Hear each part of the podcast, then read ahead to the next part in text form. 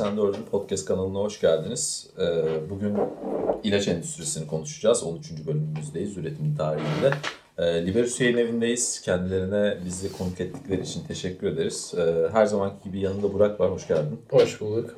Bir de bugün ilaç endüstrisini konuşacağımız için e, bir konu aldık. Yunus Emre Kocabaşoğlu var yanımızda. Hoş geldiniz hocam. Sağ olasınız.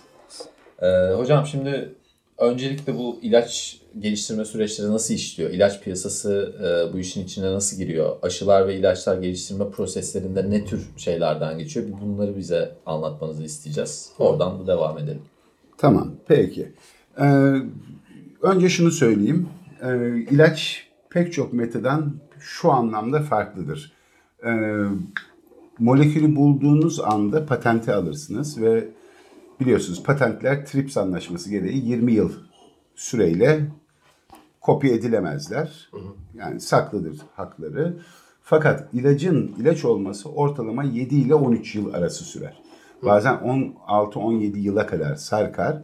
Yani o 20 yıllık koruma bir yazarın 20 yıllık koruması gibi değildir. Ya da bir ürünün 20 yıllık koruması gibi değildir. 3 yıllık bir koruma kalır. Hmm. Eğer ilaç olursa.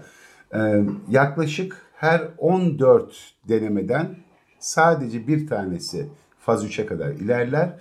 Onların da yaklaşık yüzde altısı yüzde yedisi ilaç olarak Oo. şey alabilir. Bayağı düşük. Evet yani e, bir ilacı da ortalama iki buçukla beş milyar dolar arası para harcandığını düşünürseniz oldukça riskli bir şey. Şimdi e, yeni ilaç pazarı yüzde seksen dokuzu üç bölge tarafından kontrol ediliyor. En büyük açık ara Amerika Birleşik Devletleri. Sonra Avrupa Birliği. Avrupa Birliği dediğimiz zaman ilk beş ülkeden bahsediyoruz aslında. Kalanları çok hesaba katmıyorlar ama Avrupa Birliği diye geçiyor tek pazar olduğu için. Ve Japonya. Ee, kalan bütün dünya çok büyük ülkeler de dahil buna yeni ilaç pazarının bir daha söylüyorum %10.7'sine sahipler. Yani onların ihtiyaçları için ilaç aslında üretilmiyor. Hı hı. Sadece bu üç pazarın ihtiyaçları için ilaç üretiliyor. Bu üç pazarda ortak bir konsensusa varmışlar. Konsensus da şu. E, genellikle 5 bazen 10 yıl ek bir süre tanınıyor. Koruma süresi tanınıyor. Bu pazarlarda yeni çıkan ilaçlara ki o ilaç geliştirme sürecinde şey harcanan zaman e, boşa gitmemiş olsun. Şimdi faz faz yapılıyor. Burada önümde beş tane fazı var aslında. Sıfırıncı faz dediğimiz preklinik çalışmalar. Burada molekül etkili mi değil mi? Ona bakılıyor. Genellikle hayvan deneyleri yapılıyor. Bazen çok sınırlı sayıda insan deneyi yapılabiliyor. İkinci grupta toksitesine bakılıyor ilacın. Zehirli bir etkisi var mı? Beklenenin dışında farklı bir etkisi var mı? İşte biyo yararlanımına bakılıyor. Farmakolojik etkilerine bakılıyor. Gene sınırlı sayıda insan üstünde çalışılıyor. Faz 2'den itibaren insan sayısı artmaya başlıyor. Ee, faz 2'de güvenilirlik üzerine bakıyoruz ama etkinliğe de bakmaya başlıyoruz. Yani ilacın gerçek reel etkisi nedir diye genellikle sağlıklı insanlar üzerinde çalışmalar yürüyor. Faz 3'e doğru geldiğimizde bayağı da yıl geçmiş oluyor tabii. Faz 3'e doğru geldiğimizde artık e, daha büyük hasta popülasyonları üzerinde ilacın güvenilirliği, etkisi, dozları vesaireleri bakılmış, belirlenmiş oluyor. Şimdi doz kısmı çok önemli çünkü ilaç dediğimiz zaman bir ilacın dozu var ve doz aralıkları var. Çünkü bir terapetik pencere dediğimiz şey var. Çok aşırı ilacın olması da yan etkilere sebep olabilir. İlacın o kanınızda, serumda diyoruz genelde ama kanınızda kabul edelim. Kanınızda o düzeye ulaşmaması etkin olmamasına sebep oluyor. Yani çok ince bir ayarla ilacı o pencerenin içinde tutmak zorundasınız konsantrasyonunu ki e, ilaç olsun. Zaten işte aktarlarda satılan şeyden ayıran da o. Yani evet. aktardan aldığınız şeyi ister kaynatıp içiyorsunuz, evet. ister kafanıza sürüyorsunuz. Herhangi bir doz söylemiyorlar size değil mi? Yani evet. 8 saatte bir bunu yapacaksın, 6 saatte bir ya da şey de söylemiyorlar. Karaciğere çok iyi geliyor. Enginar, siyenarin var içinde. Kimse size demiyor ki 1.7 ton siyenarin alabilmek için yeterli siyenarin 1.7 ton şey enginarı yemiş olmanız lazım. Öyle söylemediği için siz gönlünüzü rahatlatıyorsunuz. Yani e, bir nevi placebo. Evet evet magic thinking aslında insanların o Hani acı çekersem, üzülürsem, bir şey yaparsam dileğim olacak. Burada iyileşmek dilek. Nin yerine koyuyorsunuz. Plasebo etkisi biraz daha farklı. Plasebo etkisi cerrahide de var. Zaten bir ilacın etkin olup olmadığını plaseboya karşı bakıyorsunuz. Diyelim ki size doktor olduğuna inandığınız, o çok önemli, saygın kabul ettiğiniz birisi bir hap uzatıyor. Formu da hap formu. İçinde hiçbir şey yok. Bununla baş ağrılarınızın %30 ile 36'sını iyileştiğini biliyoruz. Literatür öyle söylüyor. Ben yeni bir ilaç yaptım. Bu kadar para harcadım. Benim ilacım da %24'ünü iyileştiriyor baş ağrılarının. Bu ilaç o zaman etkili değil, çıkmıyor. Sistem öyle işliyor. Yani bütün bu fazlardan geçtiği zaman bir ilaç ilaç oluyor. Ee, şimdi bunu e, mesela bizim ailede de vardı işte babam diyor ki ya işte benim kanımda şu yüksekmiş buna iyi gelen şey şuymuş ısırgan otu atıyorum. Sonra evde önümüzdeki bir hafta boyunca iki hafta boyunca iki yıl boyunca belki ısırgan yeniyor. Hani öyle günde kilo öyle ısırgan yeniyor. Bunun e, psikolojik şeyi dışında herhangi bir faydasının olması matematiksel olarak mümkün değil. Değil mi? Şimdi mümkün ya da değil demek için bilimsel bir setup'ta bakmak lazım. Ee, nedense bütün bu iddia sahipleri probiyotiklerin bir kısmı için de söz konusu bu. Bu bilimsel çalışmaları yapmıyorlar. Evet nedense. Evet. Yani e, biraz şey gibi değil mi? E, İsviçreli bilim adamları şampuan deneyleri gibi. Fakat bir türlü yapmıyorlar. Yapmamaları sebebi de şu. Çok ciddi firma. Pfizer misal. Pfizer'in büyüklüğü 60 milyar dolar. Cirosu anlamında söylüyorum. 60 milyar dolar demek e, Türkiye'nin neredeyse 9 yıl, 8 yıllık, 9 yıllık tüm ilaç cirosu demek. Adamlar bunu bir yılda yapıyorlar ve cirolarının %15'ini research development'a ayırıyorlar. Şimdi bunun anlamı şu. e, bu adam yılda 4 tane en fazla 5 tane yeni ilaç çıkarıyor ve bu bu proses içinde yüzlerce işe yaramayan molekül değişik fazlarda elenmek zorunda kalıyor. E, halbuki siz bir aktar dükkanı açtığınızda değil mi? Yıllarca Hiçbir fazlardan sat- tabii geçmeden satabiliyorsunuz. Herhangi bir doz bildirmiyorsunuz. Hangi doz aşırı olur, hangi doz düşük olur onu da söylemiyorsunuz. Evet. Ve bunu satabiliyorsunuz. Bu tabii büyük bir lüks ve Tabii. çok daha lukratif bir pazar demek. Bir de hocam şey tarafı da var ya şimdi mesela hani bu ilaç endüstrisine sürekli işte e, bir şekilde muhalefet eden bir şeyler söyleyen orada bir yanlış olduğunu söyleyen insanların mesela e, bu işte vitaminler, gıda takviyeleri e, onlar da çünkü çok büyük pazar yani Tabii, hani neredeyse tabii. ilaç endüstrisi kadar bir pazar. Gayet büyük. Ee, o, o konuda mesela hiçbir şey söylemiyorlar. Yani işte atıyorum e, özellikle Türkiye'de mesela son zamanlarda işte hamilelik döneminde neredeyse herkes bir şekilde bir işte vitamin, e, fo- şey ne, Folik ne- asit. folik asit e, vesaire kullanıyor. Veya işte şey e, beyaz yakalılarda mesela ben çok görüyorum.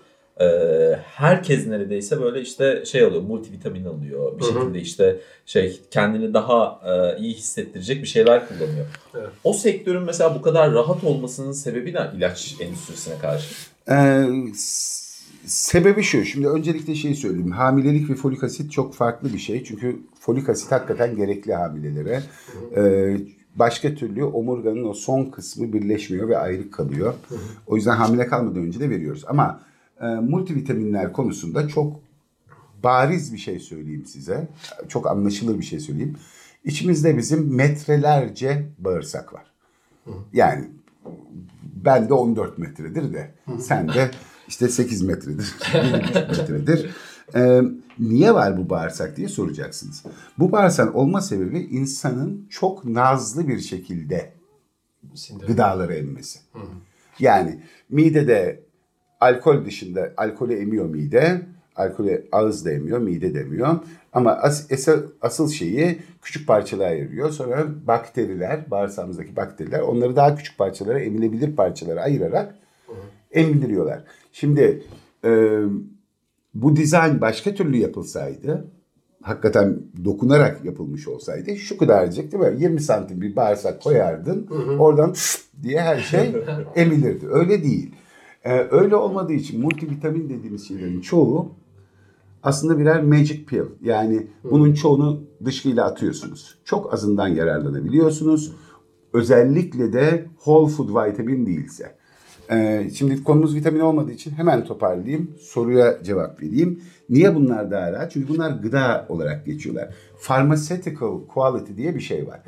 Her şeyde var. Suda bile var. Yani saf su dediğimiz şeyin food quality'si ayrıdır. Pharmaceutical quality'si ayrıdır. Pharmaceutical quality dediğiniz zaman bir insanı pozitif anlamda iyileştirebileceğini bilimsel olarak göstermiş olmanız gerekiyor. İşte o sırada bilim yapılan bilim ne kadar bilim falan o ayrı bir tartışma konusu ama e, bilimsel olarak şeyi göstermeniz gerekiyor. Bunun hakikaten bir faydası var. Diğerinde böyle bir zorunluluğunuz yok. O gıda takviyesi. Ben size marul satarken ne kadar faydalı olduğunu ne kadar ispat etmek zorundaysam vitamin satarken de o kadar ispat etmek zorundayım. Okay.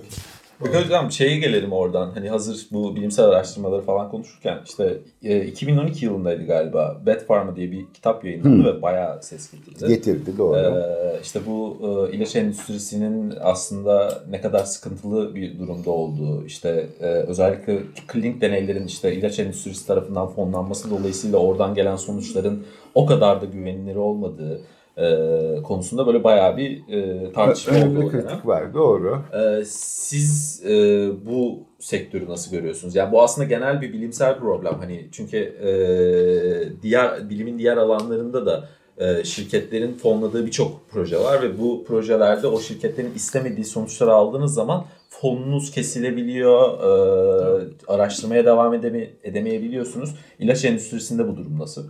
Kesinlikle aynı. Zaten o yüzden e, kontrol mekanizmalarının iyi olması gerekiyor. Yani e, bir research'e baktığınız zaman e, tabii ki research çok iyi falsifiye edilebilir.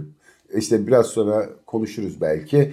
E, aşılar ve otizm araştırması Lancet'te yayınlanmış bir araştırmadır. Lancet çok önemli, çok kıymetli refere dergilerden biridir. E, orada bile yayınlanabildi. 12 vakalık. Hikayesini de anlatırım size. Çok acayip Evet. ve tuhaf bir hikayesi vardır. Ee, şimdi bu problem var. İşin doğrusu bu. Ee, ben de Groningen Üniversitesi'nde klinik farmakolog olarak çalıştığım zaman finansmanın çok önemli bir kısmı ilaç endüstrisinden geliyordu ve doğal olarak ilaç endüstrisi de e, olabildiğince kendi lehine olan araştırmalar istiyordu. Fakat e, bunu sinister bir yapı içinde düşündüğünüz zaman şöyle bir hataya düşüyorsunuz. Bilim öyle bir şey değil. Bilimde gerçekler öyle ya da böyle bir noktada çıkıyorlar.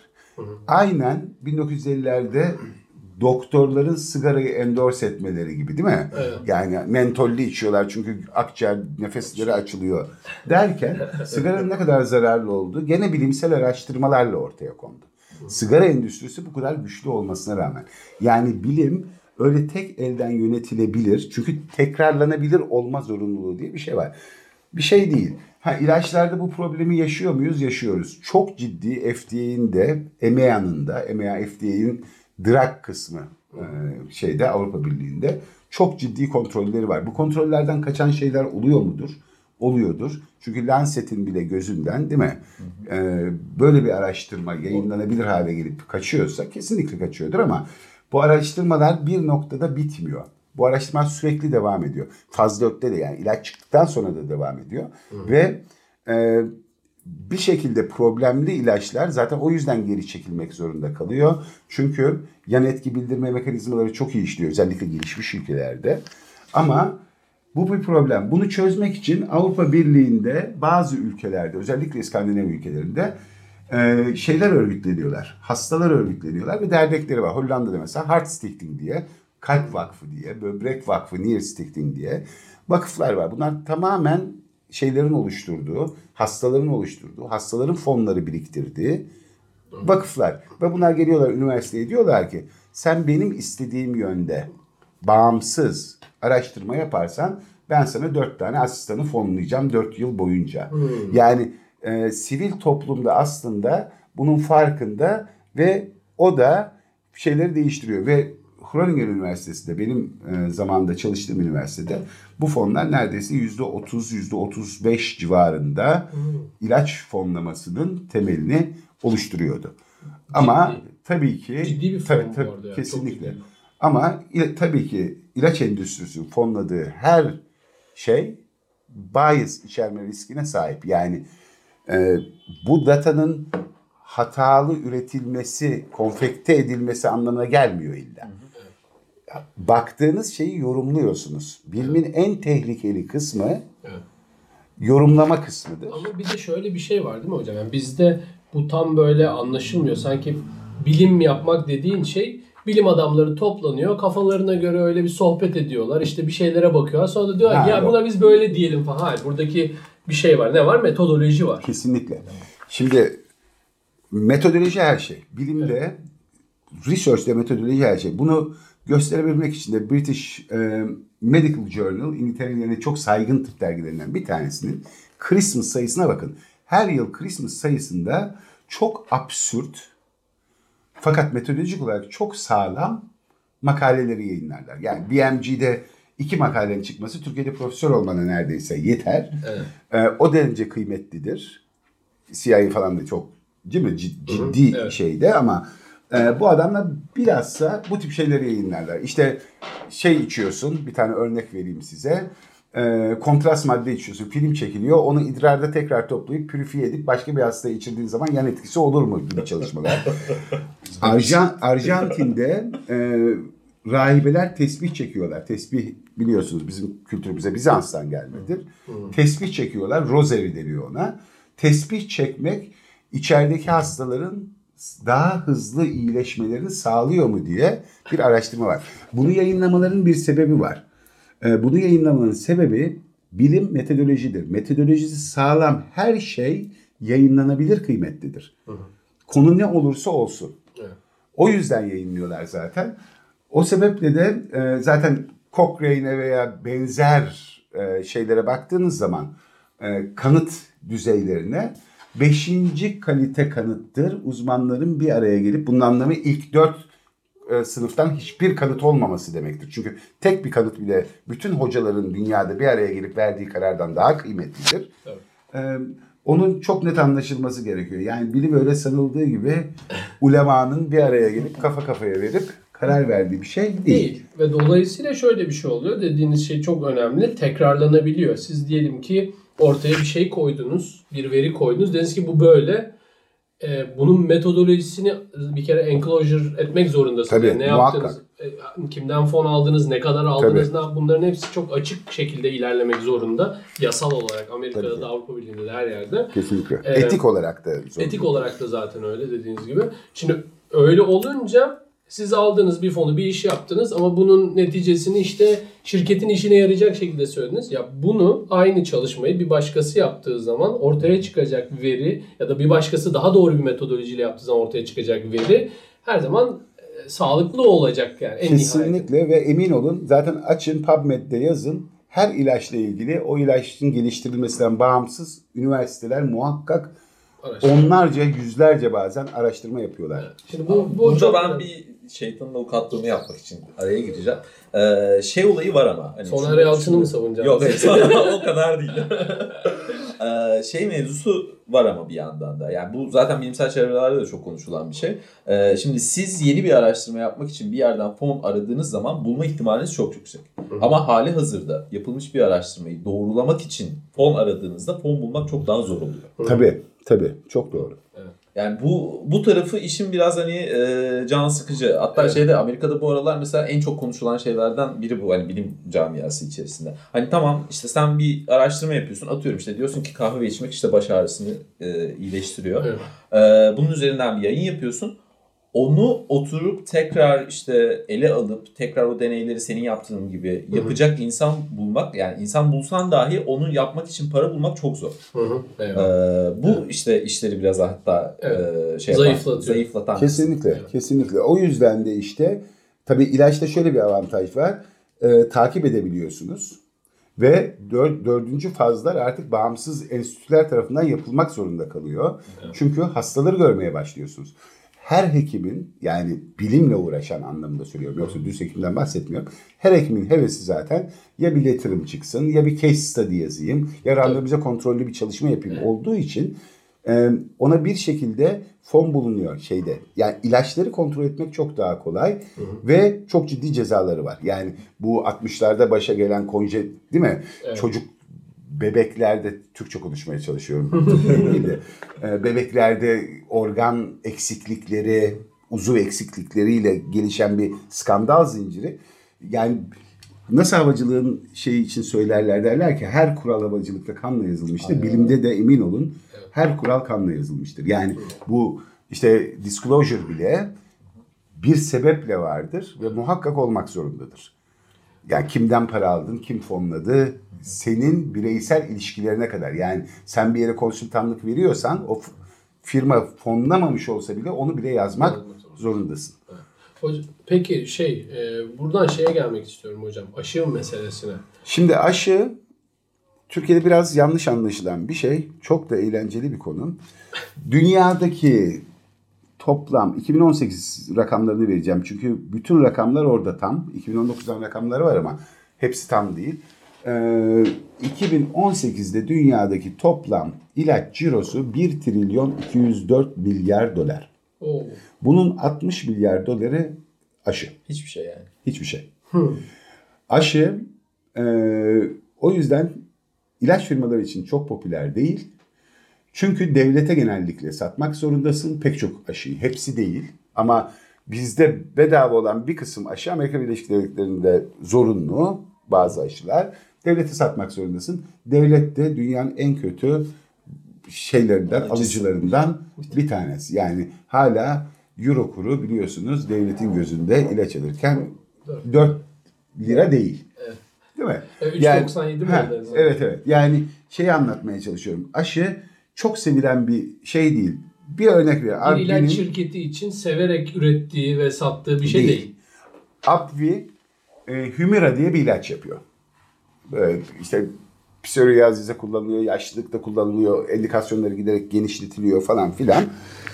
E, bu ilaçtan 2018'de 2019'daki rakamı da biliyoruz. O 22 milyar oldu. 2018'de 19.9 milyar dolar kazandılar. Ciro. E, tek ilaçtan. Türkiye'nin bütün aynı yıl 2018'de bütün harcadığı para 7,53 milyar dolar. Bak adam tek ilaçla 3 katı neredeyse para kazanıyor. Şimdi bu tip ilaçlarla çünkü e, hiçbir zaman kaynaklar sonsuz değil. Sonsuz olmadığı için en fazla kar edeceğin moleküller üzerine fokuslanmak istiyorsun. Öyle istediğin için Viagra var. Ee, ki kalp ilacı olarak başladı. Yan etkisiydi bu. Yan et, geri çektiler ilacı ve ye- çalışıp tekrar e, şey olarak Yan etkisi üzerine yoğunlaşıp tabii, potans ilacı olarak sundular. Şimdi pazar için aşılar çok cazip o anlamda değil. Çünkü ucuza satmak zorundalar ve toplam ciro genel cironun içinde bu kadar ufak. Bir de hocam insan davranışları da garip orada. Mesela şey e, atıyorum grip aşısı olacaksın tamam mı? Hani e, birçok kurumsal şirket zaten grip aşısını bedava yapıyor. Eğer kurumsal bir şirkette çalışmıyorsan yani grip ilacına göre ucuz bir fiyata gidip grip aşısı olabilirsin ama hani grip aşısı olan insan sayısı çok az mesela. Evet. Ama Az. grip olduğun zaman gidip paşa paşa o işte ilacı da alıyorsun, işte burun spreyini de alıyorsun, boğaz spreyini de alıyorsun. Evet. Ee, buradaki insan davranışı sizce hocam niye böyle? Yani insanlar zorla aşılanmadıkları sürece aşılanmak istemiyorlar diye. Şimdi onunla ilgili çok enteresan e, psikiyatristlerin de psikologların da çok güzel araştırmaları var. Bayağı da kalabalık. E, üç faktör etkiliyor. Aşılanma hareketini ya da motivasyonunu diyeyim. E, onun dışında komple teorileri var, onlar var, bunlar var ama normal, standart bir noktada bir e, tehdit algısı. Ne kadar beni tehdit ediyor? E, bugün batıda yaşıyorsanız e, pek çok bulaşıcı hastalık sizi tehdit etmiyor. Çünkü critical mass aşılmış durumda. Yani insanların salgın olmaması için aşılanması gereken yüzde aşıldığı için siz arada kaynayabiliyorsunuz. Aşı yaptırmadığınız zaman. Şimdi doğrudan bir şey hissetmiyor. İki, ne kadar güveniyor? İşte burada komple teorileri giriyor. Çünkü artık internet var. Herkes internete bakıyor. Çocuklar kıymetli. Özellikle çocuk söz konusu olduğu zaman muhakkak bakıyor. Üçüncüsü de e, bazı inançlarımız var. Biz bu inançları zaman içinde transfer ediyoruz. Çok bariz olduğu için örnek vereyim. Şöyle bir inanç var mesela. Doğal e, bağışıklık aşıyla kazanılan bağışıklıktan daha iyidir. Bunun bilimsel hiçbir temeli yok. Bilinen hiçbir temeli yok. Hadi tetanoz olalım. He, ki işte çocuklar bu kadar aşıyı kaldıramaz. İşte 1980'lerde 10 tane aşı yapılıyor. Şimdi 36'ya çıktı toplam. Şey aşısı. Çocuk e, bağışıklık sistemi bu kadar aşı. Çocuk bağışıklık sistemi milyon tane aşıyı kaldırabilir. Böyle bir şey yok. Bunların hiçbir bilimsel temeli yok. Buna inanç diyoruz.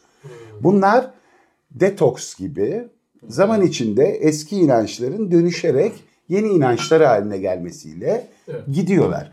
Şimdi e, kolera salgını şey kızamık salgını ortaya çıktığı zaman aşılama hızla yükseliyor. İnsanlar çocuklarını aşılatıyorlar. Çünkü önlerinde bir tehlike var. Öteki türlü kaçınabiliyor. Çünkü kalabalıktan yararlanıyor. Fakat sıkıntı herkes bundan yararlanmaya kalktığı anda bir anda şeyleri görmeye başlıyoruz. Tabii. Kolektif eylem problemine dönüşüyor. Tabii. Öyle oluyor ve aniden hiç görmediğimiz neredeyse eradike olduğuna inandığımız zaman da çocuk felci tekrar Birleşik Devletler'de de Avrupa'da da problem olmaya başlıyor. Kızamık görmeye başlıyoruz. Geçen gün bir haber vardı hocam şeyde e, Amerika'da Etiyopya'dan işte mülteci olarak gelmiş e, oraya yerleşmiş böyle bir mahalleyi tamamen kapatmışlar bir grup var. Bunlar şey aşı karşıtı aşı yaptırmıyorlar çocuklara ve e, 50 küsür çocukta kızamık başlıyor. Hmm. Oradan bir de yayılıyor yan taraflarda hani şey o Etiyopyalılarla alakası olmayanlara da e, yayılıyor. Çünkü şeyde onlar da böyle işte aşı yaptırmamışlar etmemişler falan filan. E, o açıdan büyük bir aslında şey problemi yani hani toplumsal, sağlık Toplumsal, problemi. tabii tabii tabii. Toplumsal problem. Yani o kritik kitleyi aşılayamadığınız zaman bulaşıcı hastalıkların en büyük özelliği bu. Yani işte meşhur değil mi? Daha 100 yıl geçen yüzyılın başında İspanyol gribi denilen hikayede milyonlar öldü yani 10 milyonlar öldü. Bu şaka değil. Çünkü bulaşıcı hastalıkların en büyük özelliği bu. Çok hızlı bulaştırıyoruz. Sosyal canlılarız biz. Aynı noktalarda bir toplanıyoruz, aynı noktalardan dağılıyoruz. Sonuçta bulaştırıyoruz birbirimize. Yani şeyi e, söyleyen var hocam mesela o İspanyol gribinde işte e, merkezi kuvvetleri daha çok etkilediği için savaşın bitmesini öne çektiğini falan söyleyen Evet, evet. askeri uzmanlar var yani. Hani Tabii. Alman askerleri tabii. daha yoğun bir oranda etkileniyorlar. Evet. Ve çok hızlı bir şekilde işte hani zaten savaş bitmek zorunda kalıyor. Şu, şu anda bu mesela önceden de e, önceden e, insanın ortalama ömrü hani daha düşüktü işte. Düşüktü, 50 evet. yıl diyoruz, Evet. 45 yıl diyoruz mesela Evet. geriye doğru gittikçe. Ama onun sebebi aslında doğumlarda ölümün olmasıydı değil mi? Yani Tabii ort- ortalama alıyoruz. Artı Evet. sanitasyonun kötü olması. Yani e, şimdi iki şey çok karışıyor. O aşıda da var. Evet. Aşıda da aynı şeyi söylüyor insanlar. Aşıda bu doğru değil. E, hemen kısaca söyleyeyim. 1900'lerin başına kadar insan ömrü 3 aşağı 5 yukarı tarih boyunca 30 yılla 45 yıl arası değişmiş. Zaman zaman artmış, zaman zaman düşmüş. Mesela tahılla ilk karşılaştığımızda insan ömrü hemen düşmüş. Neden? Boylar da kısalmış. Belli bir Protein-. Protein Ha, eksikliği, eksikliği. hazır şeker, Okey. düşük protein. Bir anda hayvan avlamak zorunda kalmıyorsun artık. Toplayıp değil mi? Evet. Poğaça muaça çörek börek yapıyorsun. Şey düşüyor. Evet. Ee, şimdi e, bu doğru. Sanitasyon girdi. Birinci Dünya Savaşı'ndan hemen sonra evlere ilk kez tuvalet ve akan temiz su girdi. Ve nüfus patlayarak hem arttı hem beklenen ömür arttı. İkisi birlikte arttılar. Şimdi herkes şeyi de söylüyor. İşte aşıda da aynı şey oldu. Söylüyorlar. Diyorlar ki bizi aslında sağlıklı tutan sanitasyon. Doğru bir noktaya kadar. Ama Amerika Birleşik Devletleri'nden hemen örnek verelim. Aşının tarihleri bulayım. 1900 he, misal şey için eee, konuşalım. Eee, kızamık için konuşalım. Amerika Birleşik Devletleri'nde kızamık aşısı zorunlu olmadan önce yılda 400 bin kişi kızamık oluyordu. Yani sanitasyon sağlandığı halde 400 bin kişi 3 aşağı 5 yukarı her yıl kızamık oluyordu. Aşılamaya başlandığı anda ikinci yılında 25 bine düştü. Wow. Şimdi aşının böyle bir etkisi var. Ve o MERS arttıkça sayı çok hızlı çünkü bulaşacak yeni insanlar bulmakla alakalı bir şey o. Evet. Sayı arttıkça aş- e, mikrobun atladığı insanların çoğu dirençli olduğu için İşaret şey ediyorum. azalıyor giderek. Yani zaten öyle öyle eradike ediyorsun şeyi. Ee, yoksa hiçbir zaman yüzde yüz aşılayamıyorsun herkese. O mümkün değil. Ama zaten toplumun çoğunluğu aşılandığı için bir anda düşüyor. Hemophilus influenza diye bir bakteri var. Şimdi influenza'nın bir virüsü var. Aklınız karışsın diye. Bir de Hemophilus influenza diye başka bir bakteri var. Bakteri olan e, zatüre yapıyor.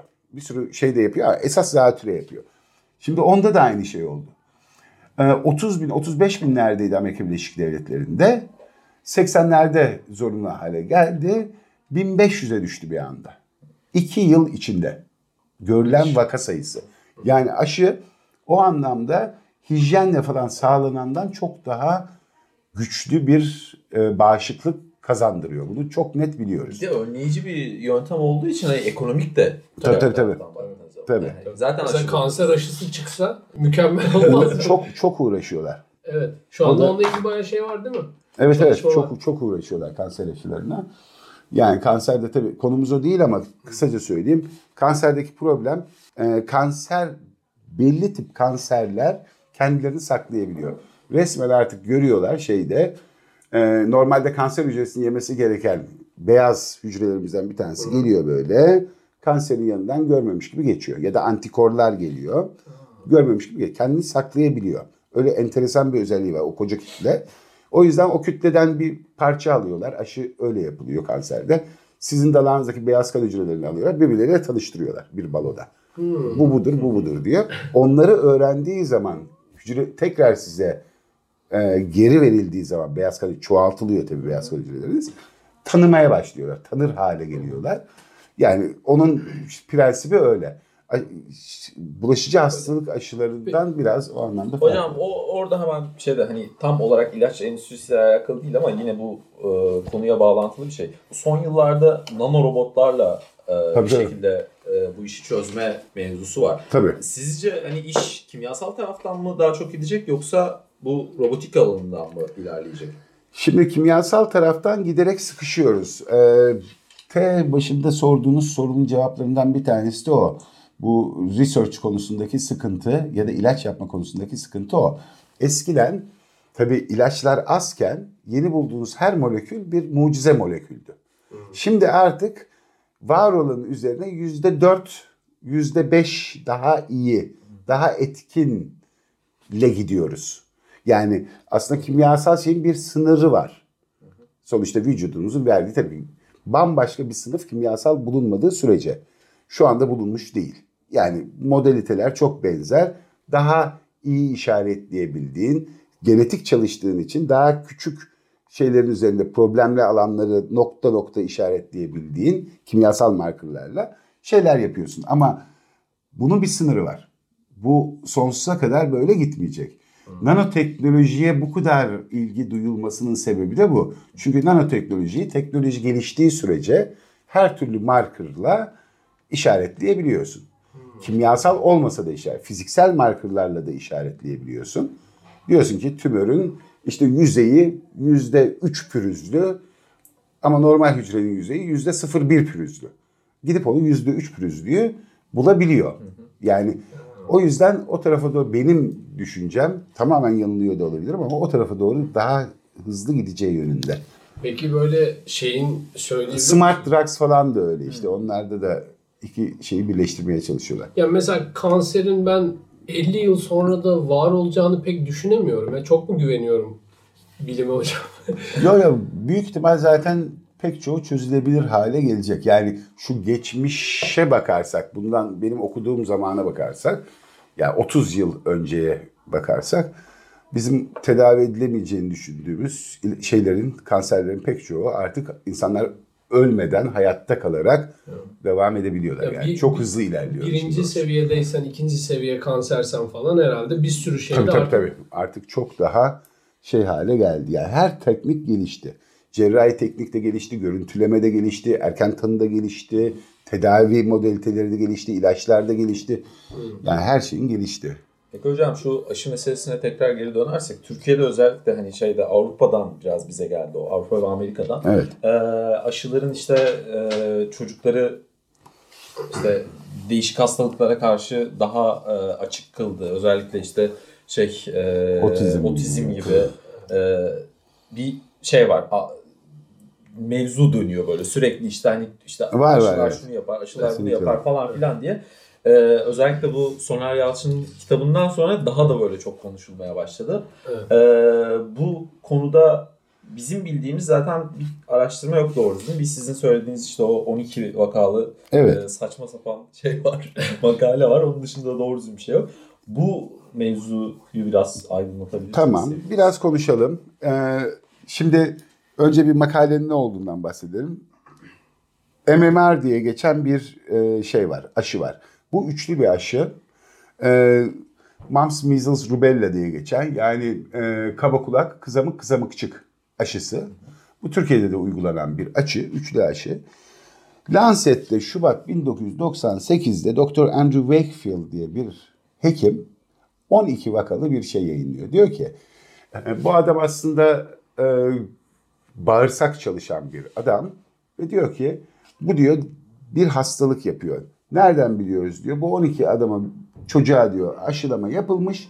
Aşılama yapıldıktan 14 gün sonra o lifespan içinde e, bunlar bir infek şey enflamatuar bağırsak hastalığına ve de regresif otizm diye o zaman tarif ettiği bir hastalığa tutuldular. Demek ki bu üçlü aşı yapılması böyle bir probleme sebep oluyor diyor.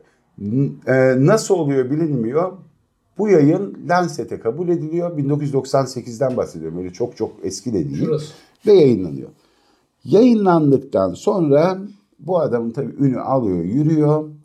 İşte CBS'e çıkıyor, 60 Minutes'e çıkıyor bilmem ne odur budur derken e, 2004 yılında bir gazeteci Brian Deere adında diyor ki ya o da bilimle ilgili çalışan bir gazeteci diyor ki bu ne kadar genellenebilir. Şimdi bilimde genellenebilirlik diye bir kavram var. Bunu çok iyi anlamak lazım. O yüzden arkadaşlar dedenizin 90 yaşına kadar e, oturup bir kuzu yemesi değil mi? Bunun sağlıklı olduğu anlamına gelmiyor. O bir tane dede. Devam edelim. Şimdi e,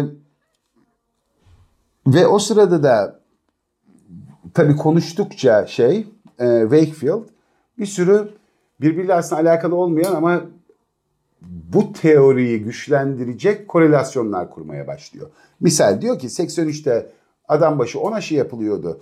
10 binde bir görülüyordu otizm. Şu anda 36 aşıya çıktı çocuk aşılama programı. 150'de bir görülüyor otizm. Şimdi böyle koyduğu zaman hemen diyorsun ki "Ha, aşı arttı, otizm arttı. Demek ki Korelasyon nedensellik demek değildir Ha, diye. Onu anlatmak Evet, zor. doğru. Yani çünkü onu hani dinleyen arkadaşlar rahat anlasın diye anlatayım. Şöyle bir teori gibi o. Ee, havanın ısınması insanların yüzme yeteneklerini kaybettirir. Niye? Çünkü hava ne kadar sıcaksa o kadar çok insan boğulur gibi. Yani bu nedensellik değil işte. Ee, korelasyon var ama yorum kısmı doğru değil. Evet. Yoksa rakamları yan yana o yüzden diyorum bilimin en zor kısmı zaten e, metodolojiden sonra yorum kısmı. Neyse 12 kişi sample size çok düşük değil mi? düşük fakat tabii gazeteci olduğu için Brian diye giderek işi eşelemeye başlıyor. İlk bulduğu şey bu 12 çocuğun aslında hastane Londra'da çocuk hastanesi hiçbirinin Londra'da olmadığı. Hatta iki tanesinin Amerika Birleşik Devletleri'ne uçurularak getirildi. Sonra aileleri araştırmaya başlıyor. Aileler fakir aileler ve ailelere para verildiği ortaya çıkıyor. Aa bayağı Fakat fakat esas ilginç olan yayından 2 yıl önce 96'da avukat Richard Barr diye bir adamın Doktor Wakefield'a yanaştığını 1600 kişiye için Amerika'da var Türkiye'de ne deniyor bilmiyorum. İşte bu class action suit denilen şeyler. Toplu açılan davalar gibi işte sigaraya karşı açılanlar gibi. 1600 aile adına böyle bir dava açmak istediğini. O yüzden de bakın bilimde finansmanın nereden geldiği niye önemli. Ee, finanse edebileceğini söylüyor research'ı ve mektupları ortaya çıkıyor. Yazışmalarında da diyor ki muhakkak ve muhakkak bu ortaya çıkmalı. Bunun için de 435.643 pound ödüyor doktora. E, artı hizmetlerini de 150 pound, sadece 150 pound'dan almaya devam ediyor. Tabii bu e, Sunday Times'da 2006'da yayınlanıyor ama Amerika'da büyük bir şey oluşmuş durumda. Toplam Amerika Birleşik Devletleri'nde bir kampanyayla bu iş araştırılsın diye 26.2 milyon pound toplanmış. Bunu da eş dost, arkadaş, avukat ve doktorları dağıtıyor. Wakefield. Wakefield'ın bu işten mahkeme kayıtlarına göre toplam karı o 26 milyondan önceki noktada 800 bin pound'a geliyor. Şimdi bu çok önemli. Biraz sonra e, konspirasi teorilerle bu tip konspirasi teorilerle bu ilişkiyi çok iyi anlamak lazım. Komple teori. Evet, komple teorileriyle. Şimdi otistik enterokolit diye bir hastalıktan zaten 3 yıl önce bahsettiği ortaya çıkıyor ve tek aşı yapılmasını söylüyor.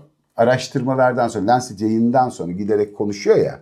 Konuşurken measles tek aşı yapılmalı diyor. O zamana kadar öyle bir aşı geliştirilmemiş. Bunun patentini aldığı da ortaya çıkıyor. 4 yıl önce. Yayından 4 yıl önce. Etinden zıtından. Evet, evet. Ee, ve Mart 2009'da Lancet özür diliyor, şeyi çekiyor. Bu da bilimde her şeyin ne kadar yavaş işlediğini çok net ifadesi. 98'de yayınlanan şeyi bu kadar olay olmasına rağmen ancak 2009'da Lancet diyor ki bu tekrarlanabilir bir şey değil. Çünkü insanlar uğraşıyorlar. Ve 21-12-2010'da da Wakefield'in doktorluk kaydı Birleşik Devletler'de bir register vardır. Oradan siliniyor. Yani hekimlik yapamaz hale geliyor. Bu bakın biraz önce bahsettiğim gibi her şey kendi her su kendi kanalını bulur gibi Danimarka'da da oturuyorlar. 1999'dan bakın yayınlandıktan bir yıl sonra başlıyor. Bunu ilaç firmaları tabii ki finanse etmiyorlar. Ee, büyük bir kohort çalışması başlıyor. 657.461 çocuğu takip ediyorlar. Ta ki Aralık 2000 şey 2010'a kadar ve orada 6517 tane otistik vaka ortaya çıktı. Hepsi aşılı çocukların. Ve bu da %0.93. Bu zaten normal popülasyonla aynı istatistik olarak hiçbir anlamı yok. Ve 2019'da yayınladılar. Dediler ki e, otizmle aşı arasında en ufak bir ilişki yok. Yok. Bir de oraya para harcadık. Ama e, tabii ki şeyi de öğrenmiş olduk. E, böyle bir yayın yayınlandığı zaman bile 12'yi az bulan, şüphelenen, merak eden, kendi kliniğinde bunu yaşamayan insanlar bunlara bakmaya başlıyorlar. Şimdi e, şeylerle ilgili, aşılarla ilgili çok fazla komple teorisi var. Ama komple teorilerinin bütün ortak özelliklerini aşıyla ilgili olanlarda saptıyor. Ben genelde bunu dört başlıkta hep yazıyorum da Twitter'da da. Bir tanesi şöyle bir inanç üstünde oturuyor bu teoriler. Çok çok güzel araştırmalar var tıbbi. Birbiriyle tamamen çelişen iki teoriye de inanabiliyorsun komplo teorisi. Çünkü bu dört basamak üzerine oturtuyorsun. Yani e, işte şeyi 9-11'i İsrail yaptırabiliyor. İsrailler geri dönsün diye Şey, planlayabiliyor. 11 Fakat Eylül. 11 Eylül diyor. Fakat o sırada 4000 tane Yahudi var binanın içinde. O senin o fikrinden vazgeçmeni sağlamıyor. E hocam şey Hiçbir var ya, koşulda. işte Holocaust'u e, Yahudiler finanse Ha, etti falan. gibi filan. gibi. Evet. 6 milyon adam öldü ama. Çünkü bu postülatlardan bir tanesi şu. İçeridekilerin özel bilgileri var. Sen dışarıdan olduğun sürece söylediğin hiçbir şeyin anlamı yok. İkincisi mesela aşı karşıtı çok ünlü insanlar var. Robert Kennedy gibi. Robert Kennedy Jr. gibi. E, bunlar zaten hükümet bağlantılı insanlar ya da doktor bulursun mesela dört tane. O yüzden de bunlar insight bilgi veriyorlar bize. Şimdi niye bütün camianın insight bilgisinin anlamı yok ama sadece bu adamların insight bilgisi. Bu metodoloji bilmemekle alakalı Evet. tabii ki. E, iki, şey üç, hepsinin içinde bir devlet komplosu var ve bazen e, komployu kuran sosyalistse e, özellikle bir de şey giriyor işin içine. Kapitalizm giriyor. Kapitalizm giriyor. Big Pharma diye. Şimdi Big Pharma dediğin şey e, bankaya parayı yatırdığın zaman sana faiz sağlayan şey. Yani o kadar küçük parçalara ayrılmış durumda ki ilaç firmaları, b- bütün ilaç firmaları, bütün büyükler. Çünkü şeydeler, e, Borsada. borsadalar Ve Japon ev kadınları almış. Amerikalı orta sınıf aileleri almış değil mi? Efendim otomobil ta- işçisi almış fabrikada çalışan. Çünkü çocuğunun kolej parası oradan geliyor. Bütün firmalar gibi kar etmek dışında hiçbir amaçları yok. Ha şey yapıyorlar mı? Kroni kapitalizm yapıyorlar mı? Yapıyorlar tabii. Ben gözümle gördüm. Adını vermeyeceğim firmanın başım belaya girmesin diye ama Filipinler hükümette yazılmış. Siz bizim o ilacımızı piyasadan çektirirseniz hükümeti düşürürüz diye ben gözümle mektup gördüm. Yıllarca ben çünkü ilaçların akılcı kullanımı konusunda çalıştım Dünya Bankası adına. O tip şeyler tabii ki oluyor ama konspirasi teorisini kurarken daha aklı başında kurmak gerekiyor. Şimdi bir trilyon 200 milyar dolarlık ilaç cirosu içinde 60 milyarlık şeyle mi uğraşırsınız? Aşıyla mı? Aşıyla mı uğraşırsınız? Yoksa aşıları kötületip herkesin hasta olmasını sağlayıp 1.204 milyar lira ilacınızı mı satmaya çalışırsınız? Bakın bu kadar rahat komplo teorisi kurmak çok kolaydır. Şimdi dönüp de sen hekimlere aşı yapan hekimler, aşıyı savunan hekimler, aşı lobisinin adamları dersen ben de sana dönerim derim ki hayır aşı karlı bir şey değil. Sen ilaç firmalarının adamısın. İnsanlar hasta olsun ilaç kullansınlar istiyor. Yani hayata böyle bakmaya başladığınız zaman gerçekle bağlantısı olması artık gerekmiyor. Bu bunun aynısı bu arada. Ve dördüncüsü pardon çok özür diliyorum.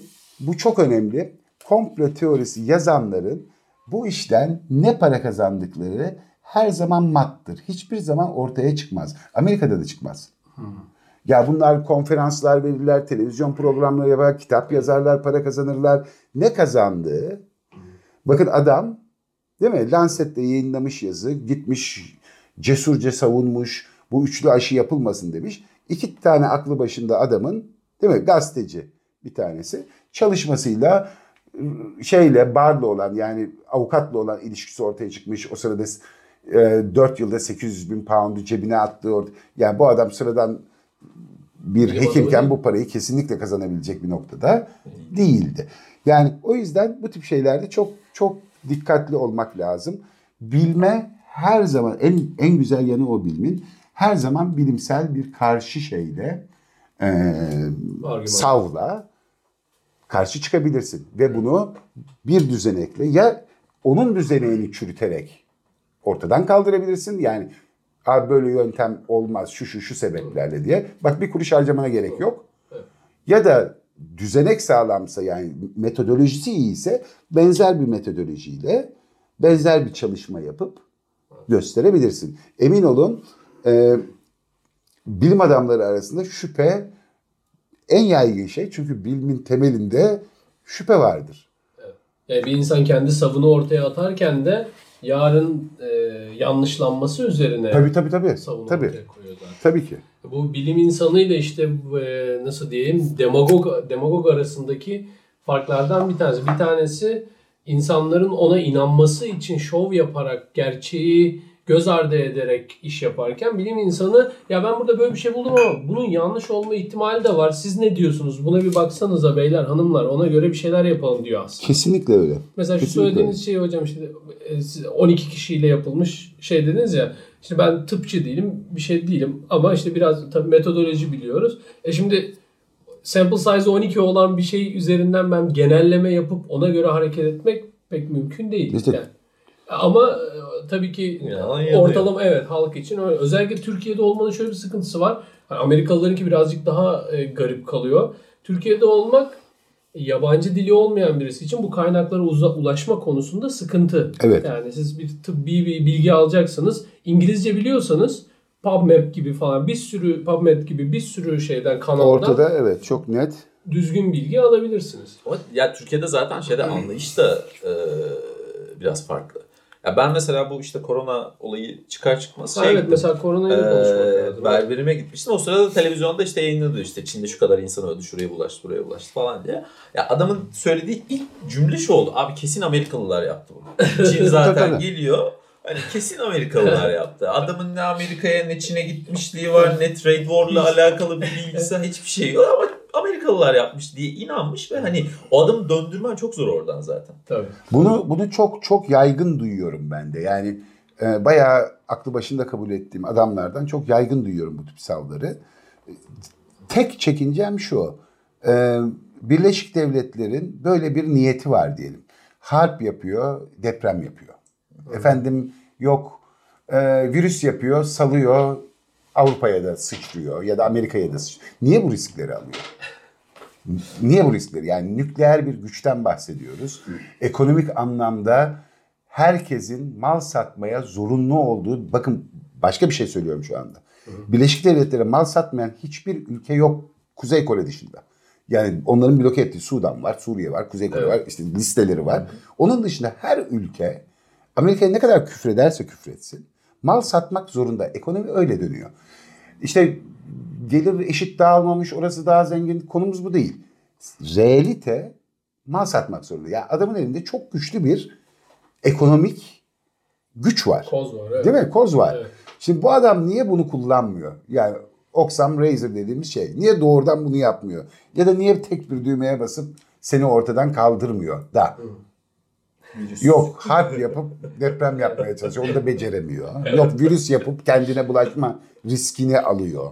Tabii. Çünkü JF Kennedy de bir hap. Yani koronavirüsün Amerika Birleşik Devletleri'ne gitmemesi mümkün mü? Değil. Tabii. Hiçbir Global koşulda değil. Tabii tabii değil. değil. Yani yayılma yolu da airborne olduğu için çok daha risk. Niye bu riski göze alsın? Niye bu kadar deli olsun? Hocam hazır konuya girmişken şeyde bu bu aralar sağlık sektörü konusunda en çok konuşulan şey koronavirüsü. Ee, ve genel olarak bu bulaşıcı hastalıklar işte bu şeyden beri SARS'tan beri e, yıllar içinde gelen böyle sıralı e, bulaşıcı hastalıklar var. Ve hani e, dünyada büyük bir korku sebebi işte Kesinlikle. e, geçen senelerde Ebola'yı konuşuyorduk. İşte Evet. Zika virüsünü konuştuk. SARS. E, SARS konuştuk. Evet. Ee, SARS'ın akrabası zaten. Değil mi? Evet. bir de MERS vardı değil mi bu şeyde Orta Doğu'da Evet. çıkan. Bu bulaşıcı hastalıkların hem gelebileceği nokta çünkü çok kötü e, gelecek öngörüleri olan insanlar da var. E, hem de işte nasıl tedavi edileceği ve e, oradan da en son şeye bağlayalım diyorum. İşte bu Çin'de başladı bu iş.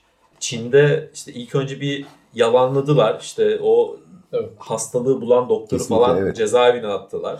Ondan sonra işte tüm bir şehri kapattılar falan filan. Böyle hani e, önce bir inkar sonra da böyle çok ağır bir şekilde üzerine gitme e, yöntemi uyguladılar. Aynı Doğru. işte Sovyetlerin Çernobil'de yaptığı gibi. Önce patlamadı kardeşim deyip ondan sonra böyle tüm ülkenin e, şeyde gücünü orada toplama üzerine. E, Otoriter rejimlerde Otoriter gördüğümüz- rejimlerin hani hem bir dezavantajı hem bir avantajı hani o Evet. orada. Genel olarak bu konuyla ilgili sizin görüşleriniz nedir? Şimdi bütün bulaşıcı hastalıklar için söyleyebiliriz. Ben bunu anlatıyorum. Şirketlerde de anlatıyorum. İş güvenliği çerçevesinde, iş sağlığı iş güvenliği çerçevesinde. Ee, birincisi Leeuwenhoek'in e, ilk kez mikroskoba gözünü getirip mikropları gördüğü andan itibaren pek çok hastalığın mikroptan olduğunu biliyoruz.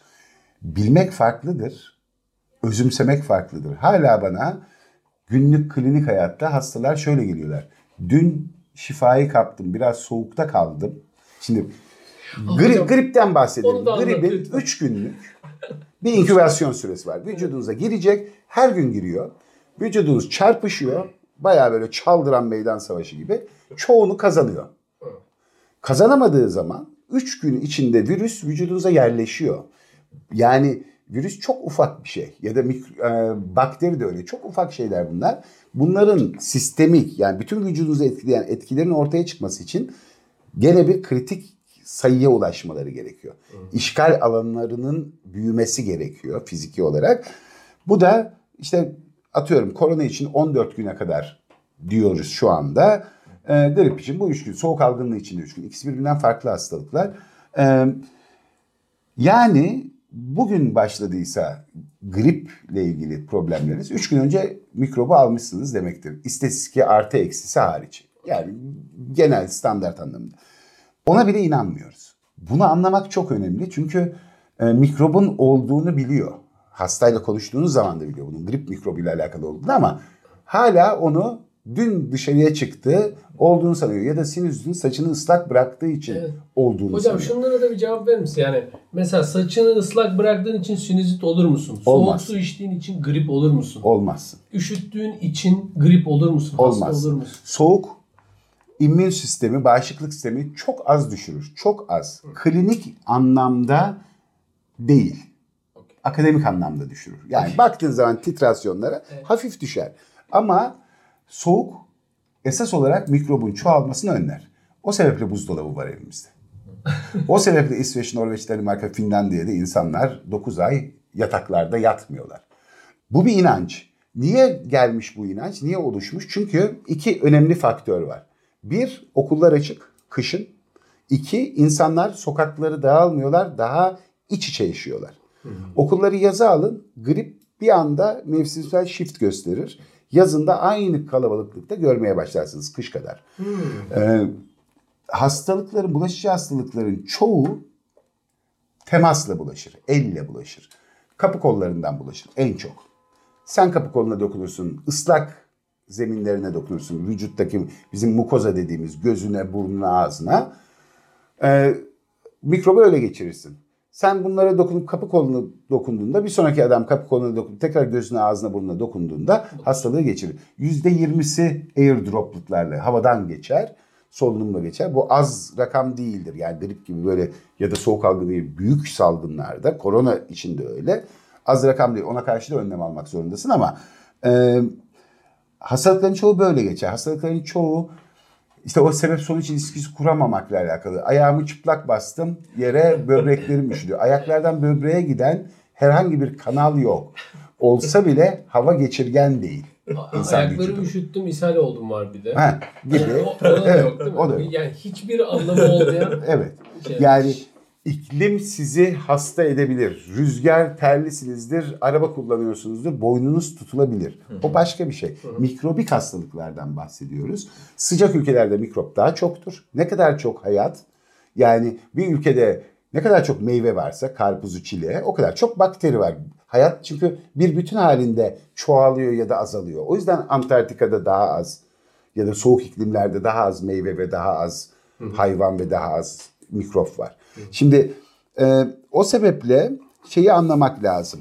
Bunlar birbirleriyle ilişkili değil. İki, e, antibiyotik a pill for every ill diye bir laf vardır. Antibiyotik mucize bir ilaç değildir. Yani virüslere iyi gelmez. Kızamıkta nasıl kullanmıyorsanız soğuk algınlığı ve gripte de kullanmak doğru değil. Ama doktorlar yazıyor. İşte biraz önce Burak'ın söylediği 5. sınıf, 5. düzey evidence. Yani ulema öyle karar verdiği için yazılıyor. Ama biraz önce söylediğim rakamları hatırlayın. %89'u yeni çıkan ilaçların 3 pazar için çıkıyor. Bu pazarlarda antibiyotikleri siz, sizin hızınızda tüketmiyorlarsa ki tüketmiyorlar. Japonya hariç, Japonya değişik bir ülkedir. Ee, tüketmiyorlarsa yeni antibiyotik bulmak için acele etmeyeceklerdir. Çünkü çok ciddi yatırım gerekiyor. Sen bu pazarın 7.7,5 milyarlık küçücük ignore edilebilen yani göz ardı edilebilecek bir kısmısın. Evet. O yüzden leblebi gibi her şeye antibiyotik kullanmamak lazım. Koronavirüse gelecek olursak. Koronavirüs çok tipik e, bir zoonotik virüs. Onu biliyoruz. Ne bildiğimizi söyleyeyim size. Çünkü oturdum bugün baktım. Neyi biliyoruz gerçek anlamda. Daha aşısı yok. Çok iyi ilerlemeler var. Bir iki aya bence faz 2'ler, faz 3'le, faz 3'e gelemez. Faz 2'lere falan yetiştirirler. Ee, öyle düşünüldüğü gibi on binlerce insan öldü gizliyorlar falan gibi bir durum yok. Neden olmadığını da söyleyeyim. Çünkü bunun olması demek, şimdi e, dağılımın nasıl olduğunu anlamak lazım. Bir logaritmik skala üzerinden gidiyor dağılım. Bütün şeylerde öyle gidiyor. Virülansına bağlı yani ne kadar bulaşıcı olduğuna ve ne kadar hasta etme yeteneği olduğuna bağlı. Ama bir kere o paterni gördüğünüz zaman biliyorsunuz. İran'da da hangi hızla artacağını biliyoruz. Çin'dekine aynı şeyi izleyecek, Hocam, grafiği izleyecek. Reddit'te bir tane manyak var. Her gün o logaritmik artış grafiğini paylaşıyor mesela. Ben sürekli takip ediyorum. Neredeyse hiç değişmiyor. Yani o artış hızı sabit. Tabii tabii tabii. Yani bulaşıcı hastalıkların özelliği bu. Bazıları çok daha şey eğri çizer. Yatay bir Aksisi, yatay. yatay eğri çizer. Bazıları daha dikey eğri. Ne kadar şey olduğuna bağlı olarak. O yüzden öyle on binlerce insan öldü. Çin bunları saklıyor falan gibi bir durum olması mümkün değil. Ama rakamları biliyoruz. Bugün baktığım biliyorsunuz internette bir sayfa var. Her gün rakamları yeniliyor. Her saat belki de. İşte 77.924 vaka var. Bildirilmiş vakalar bunlar. Bu tip hastalıklarda atlama şansı var. Onu söyleyeyim. Çünkü bunlar soğuk algınlığına benzeyen hastalıklar, gribe benzeyen hastalıklar. Ateş falan da var çünkü. Ve e, vadesi geldi öldüğe inanıyorsanız ve hızla gömüyorsanız bir kısmını bunların atlayacaksınızdır. Ya Bir bu- de doktora gitmeyenler. Tabii tabii var. tabii onu diyorum işte. Yani köyünde adam oldu, öldü. işte Allah istedi, öldü dedin, gömdün. Değil mi? İkindiye gömmüş oldun ertesi güne. Onu hiçbir zaman bilmeyeceksin. Onlar hariç 2362 tane ölüm var, 21224 tane de kür var. Yani baktığın zaman öldürücü bir hastalık ama bir sürü hastalığa göre daha az öldürücü. Bu tehlikesiz anlamına katiyen gelmiyor. Çünkü hızla yayılıyor. Peki Yani hocam nasıl yayılma öldürüyor? hızı da tabii ki. Yüksek. Nasıl öldürüyor? Ee, mekanizmayı çok iyi bilmiyoruz ama kaskat e, organların nasıl anlatayım? Organların Organ yetmezliği. durmasını sağ. Evet. Yani Kaskat ciğerden reaksiyonu. bile- bildiğim kadarıyla ben de o Oytun Hoca'nın şeyini izlemiştim. Oytun Erbaş Hoca var ya. e, Onun bir videosunu izlemiştim. Orada şey diyordu hatırladığım kadarıyla. e, YouTube'dan bakabilir arkadaşlar. E, önce ciğerde bir işte respiratörü bir Tabii. problem yaratıyor. Fail yaratıyor. Ha. Oradan kaskat etkisiyle. Oradan diğer e, en yakın mesela kalbe atlıyor. Kalp daha Tabii tabii organları ağır ağır çünkü öyle bir mekanizmamız var bizim. Oksijenlenmiyor. Oksijenlenmeyince diğer organlarda problemler başlıyor. Tabii ki bu bir e, akciğer hastalığı. Onu anlamak lazım. Üst solunum yolu hastalığı. Ona dikkat etmek lazım. E, bir sürü hikaye var. Hiçbiri doğru değil. İşte Clorox'ta Lizolide'da iki tane antiseptik bunlar. Koronavirüse iyi gelir yazdığını gösteren eski şişelerde şeyler çıkarmışlar. Vay bu laboratuvardan diye. Koronavirüs zaten vardı. O yüzden bunu spesifik olarak yeni koronavirüs diyoruz. Koronavirüs hayvanlarda da soğuk algınlığına benzer, gribe benzer şeyler yapar, semptomlar yaratır. Kedilerde, köpeklerde. İnsan türleri de var. Tabii bu kadar zararlı, e, tıbbi terim kullanmadan anlatmak istedim. Saldırgan ya da e, riskli değildi. Okey. Bu yeni çıkan öyle. Evrim öyle bir şey çünkü. Evet. Yani küçük bir nokta mutasyonu evrim bile- var değil mi hocam? Var. küçük bir nokta mutasyonu bile değiştirebiliyor. Bu da aynen AIDS virüsü gibi e, şu anda öldürdüğünün bundan 30 yıl sonra çok daha azını öldürmeye başlayacak. Çünkü onu da biliyoruz. Doğal seleksiyonun bizi getirdiği nokta sonuçta etinden, sütünden en uzun sürede yararlanabilecek hale geliyor bu canlılar. Çünkü sonuç olarak parazitler aslında. O sebeple de bu şiddette belki öldürmeyecek. Yayılma riski var mı? Yayılma riski çok fazla. O yüzden ellerinizi temiz tutacaksınız. En önemli şey o. Çok ciddi söylüyorum bunu. Yıkamak üşenmenizi gerektiriyorsa, üşeniyorsanız ellerinizi yıkamaya en azından bir antiseptik alacaksınız ve kullanacaksınız. Hocam onlar ne kadar etkili? Çok etkili. Yani hani gerçek anlamda hani şey bizi hastalıktan şu kadar korur falan diyebileceğiniz bir şey Yani yüzde seksen ellerden geçiyor. Ellerdekilerin yüzde 99'unu ortadan kaldırıyor. Ama bu bu kadar matematiksel değil. Niye değil? Çünkü biriyle el sıkıştınız. Yanınızda olmasına rağmen gözünüzü Evet. şey yaptınız. Bulaşma riski var. Antiseptik derken işte mesela alkol bazlı e, temizleyiciler. İşte bir neydi o öteki Evet. pürel. Mesela pürel oluyor mu hocam? pürelle de olur, şeyle de olur. Ee, daha sıvı olanlarla da olur. Ama önemli. Metal yüzeyleri olabildiğince dokunmayacaksınız. Kapıları böyle dirseklerinizle falan şaka söylemiyorum. Açacaksınız. Metalde yerleşebiliyor Ee, eldiven takacaksınız. Hep bunu söylüyorum. Ee, özellikle toplu taşımaya bindiğinizde plastik lateks eldivenler var ya takacaksınız, tutacaksınız. Çıkar iner inmez atacaksınız. O elinizde kalmayacak. Ee, insanlar şeye çekiniyorlar. Vay millet ne der? Deli diye bakar. O zaman burası İstanbul. Gireceksiniz içeri diyeceksiniz ki bugün beni evden atıyorlar. 3000 liraya ihtiyacım var acilen. Herkes kafayı çevirecek. Tık takacaksın eldivenini tutacaksın. Yani sonuç olarak e, kalabalıklardan olabildiğince uzak durmak lazım. Her zaman mümkün değil. Onu sö- biliyoruz. E, maskelerde tamam e, koronavirüs yeni tip koronavirüs e, Covid-19 dediğimiz e, s- 0,125 0,125 mikron şeyler e, en iyi filtreler FFP3'ler e, 0,3 mikron işte etkilemez, geçer. Doğru, teorik olarak geçer. Ama pratikte 19 litreyle yapılan yani 19 litre hava size püskürtüldüğünde yapılan şeylerde gösterilmiş ki e, %80 civarında geçirmiyor. Çünkü çarpma etkisi dediğimiz bir etki var. olarak. Tabii vektörel aynen öyle. Mühendisler daha iyi açıklarlar onu. E, o sebeple de e, maske takmak da akıllıca bir fikir. İnsanlarla çok iç içe iseniz. Ama hasta insanları iş yerlerinde tutmamak gerekiyor. Yani işverenlerin çok hassas olması gerekiyor. Siz hastaysanız gidin rapor alın, işe gitmeyin. Ateşli hastalıktan bahsediyorum. Ee, riski arttırmanın çok bir faydası yok. Bu hastalıklar hızlı yayılan hastalıklar. Ee, biraz önce sohbet ederken o örneği verdim. Yani Heathrow'da şey gibi. e, Kenya'dan uçağa biniyor sinek değil mi? Dişi sivrisinek. Geliyor çünkü her sivri, dişi sivrisinek de taşımıyor ama endemik bölgelerden geliyor. Heathrow'da hayatı boyunca İngiltere dışına çıkmamış çiftçi abiye ısırıyor. Adam sıtma oluyor. Hava alanları falan büyük haplar yani çok hızlı değişimin olduğu büyük haplar oralarda dikkatli Hani olmak lazım. kamerayla şeyi ateşlerine bakıyoruz diyorlar falan. Ateş çünkü sanki herkes de görülmüyormuş falan öyle bir şey Bir de biliyorum ama. kuluçka süresi de var. Yani şimdi Ha, adam evet. virüsü Her- almıştır şimdi- 6. gündedir. Bu, Gelir geçer. bu, bu iyi bir önlem. Onu söyleyeyim. Ee, ne zaman? Hastalık kendini manifeste ettiği zaman. Fakat kuluçka süresi 14 gün ise demek ki bir kısım insanı da 3 gün sonra bulaştıracak, 5 gün sonra, 15 gün sonra bulaştıracak. Ee, şey yapmana imkan ihtimal yok. Detekte etmene imkan Hocam ihtimal tam yok. bunu konuşmuşken bu işte hani e, kişisel önlemler dışında bir de devletlerin aldığı önlemler var. İşte Çin'de şehirleri karantina altına alıyorlar. Bazı yerlerde sınırları kapatıyorlar. Bazı yerlerde işte Çin vatandaşlarının ülkeye girişini engelliyorlar vesaire vesaire. Bu büyük önlemler ne kadar e, engelliyor sizce? Ha, işin enteresan kısmı o. Ne kadar şeffafsanız o kadar etkili oluyor. Yani Ama Çin'de hiç etkili olmuyor. Niye olduğunu da söyleyeyim. Çünkü bu bir helezonik şekilde yayılan hastalık.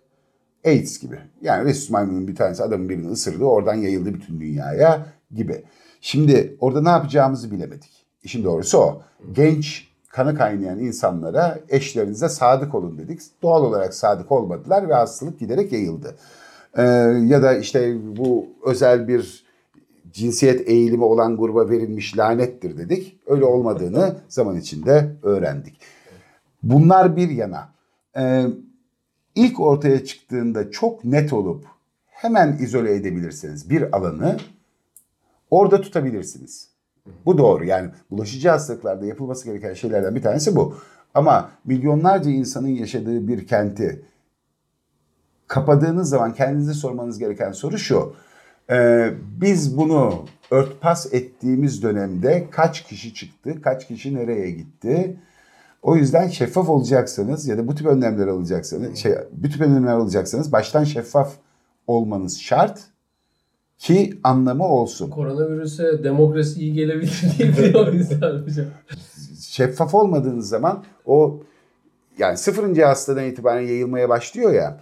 Logaritmik yayıldığını hatırlayın. Logaritmik cetvellere de bakarsanız yayılım böyle yukarıya doğru çıkıyor. Ne kadar geciktirirseniz şeyi inkar ederseniz yani o kadar yayılma riski var. Ya bu kadar kente yayıl niye yayıldı daha doğru soru değil mi? Kentleri kapamalarına rağmen onlarca kente nasıl yayıldı? İşte bu sebeple yayıldı. E oradan şimdi yola çıkmış insanların nerelere gittiğini yavaş yavaş görüyoruz. Yani yavaş yavaş göreceğiz. Çünkü 14 gün olduğunu düşünüyoruz ama emin de değiliz. Onu söyleyeyim. 14 güne kadar uzadığını gördük. Ama bu iki aya kadar uzadığı, uzamadığı anlamına gelmiyor. Onu in- şey yapmıyor. Toparlayalım mı? Ee, yavaş yavaş toparlayalım hocam. Ee, güzel bir konuşma oldu. Çok sıkmadık Evet. inşallah. Yok bence süper bir konuşma oldu. Bizim kadar aynen, gelse iyi. bizim gibi iki geveze neredeyse hiç konuşmadık. Hep dinledik. Ee, teşekkür ederiz biz. Estağfurullah. Ee, bize konuk olduğunuz için. Tekrar. Liberus'a da teşekkür ederim. Bizi Evet, konuk Sahibine için. de selam söyleyelim. Sahibe de selam söyleyelim aynen. Ee, Patreon'dan bizi desteklemeyi unutmayın. Evet. Ee, bu bölümde ilaç endüstrisini konuştuk. Ee, gelecek bölümlerde de tekrar birlikte olacağız. Görüşmek üzere. Hoşçakalın.